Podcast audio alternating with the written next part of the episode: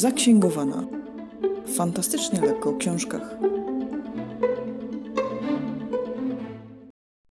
Po tej stronie głośnika Maktire. Dzisiaj wracam do serii, która z każdą kolejną częścią staje się moją ulubioną.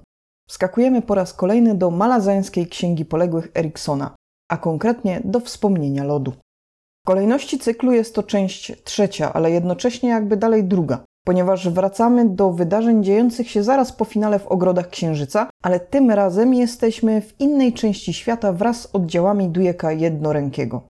Stają oni przed zagrożeniem ze strony jasnowidza Spanion Domin, który zagraża nie tylko Imperium Malazańskiemu, ale również pozostałym krainom. Dujek wraz ze swoim przybocznym sujeczką starają się zjednoczyć wobec zagrożenia swoich niedawnych wrogów, żeby utworzyć swojego rodzaju przymierze przeciwko siłom jasnowidza i jego wojsku Teneskowri. W wojnie oczywiście biorą udział również bogowie, którzy nieustannie mieszają w tym kotle i ingerują raz bardziej, a raz mniej. Chociaż teraz chyba mam wrażenie, że nawet bardziej.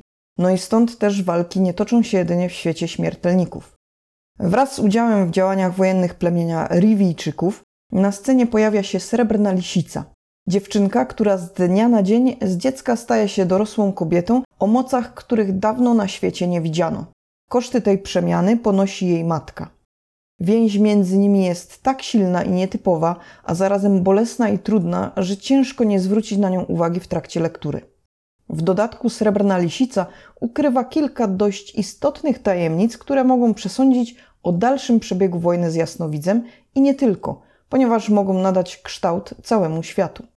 Na planie zmagań pojawiają się też nowe siły, które wydawały się żyć jedynie we wspomnieniach.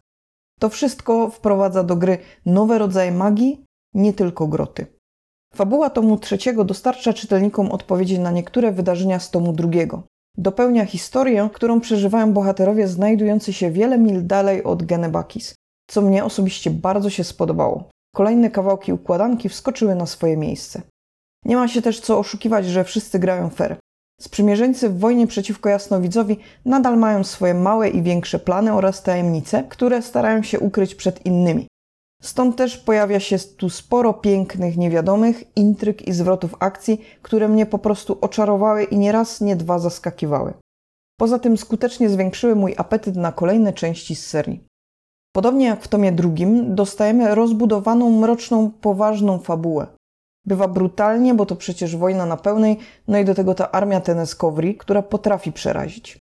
W tym tomie wyraźnie widać, jak wiele zmian przechodzi panteon bogów, ale również jak bardzo muszą się zmienić ludzie i dostosować do tego, co się dzieje, co się stało i co jeszcze przed nimi. A mogę jedynie powiedzieć, że dzieje się sporo. Zaczynam też lepiej rozumieć, czemu jeszcze więcej kawałków całości fabuły objawi się po przeczytaniu cyklu ponownie, bo te intrygi są tak złożone, a motywacje postaci nie są wcale na pierwszy rzut oka jasne i szczere. Tak do końca nie zostało tutaj jednoznacznie powiedziane, że ktoś jest dobry, a ktoś na wskroś zły. Każdy na pewno jest jakiś i ma swoje powody, żeby działać tak, a nie inaczej. Każdy ma swoje motywacje.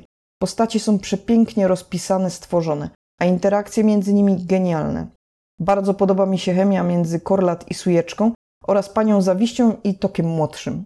No i generalnie jestem fanką saperów.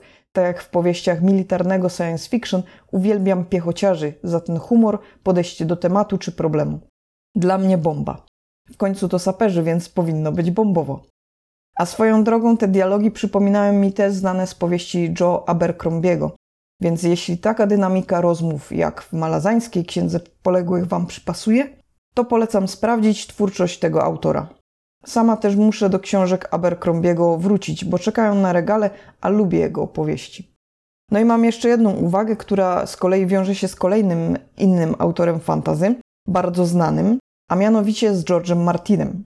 W malazańskiej księdze poległych też raczej stosujcie zasadę, żeby nie przywiązywać się do postaci. Nie dodam nic więcej oprócz tego, że Erikson złamał mi serduszko czytelnicze i pozostawił w nieprzyjemnym osłupieniu.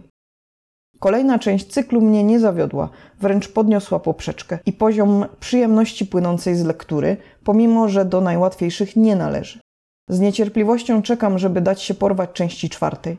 A z trzeciej na pewno mogłabym wynotować wiele dobrych cytatów, ale myślę, że ten zabiorę ze sobą na pewno. Różnorodność warto celebrować Z niej bowiem rodzi się mądrość. Pilnujcie się, a ja tymczasem znikam w kolejnych fantastycznych światach, żeby się nimi potem móc dzielić. Do usłyszenia.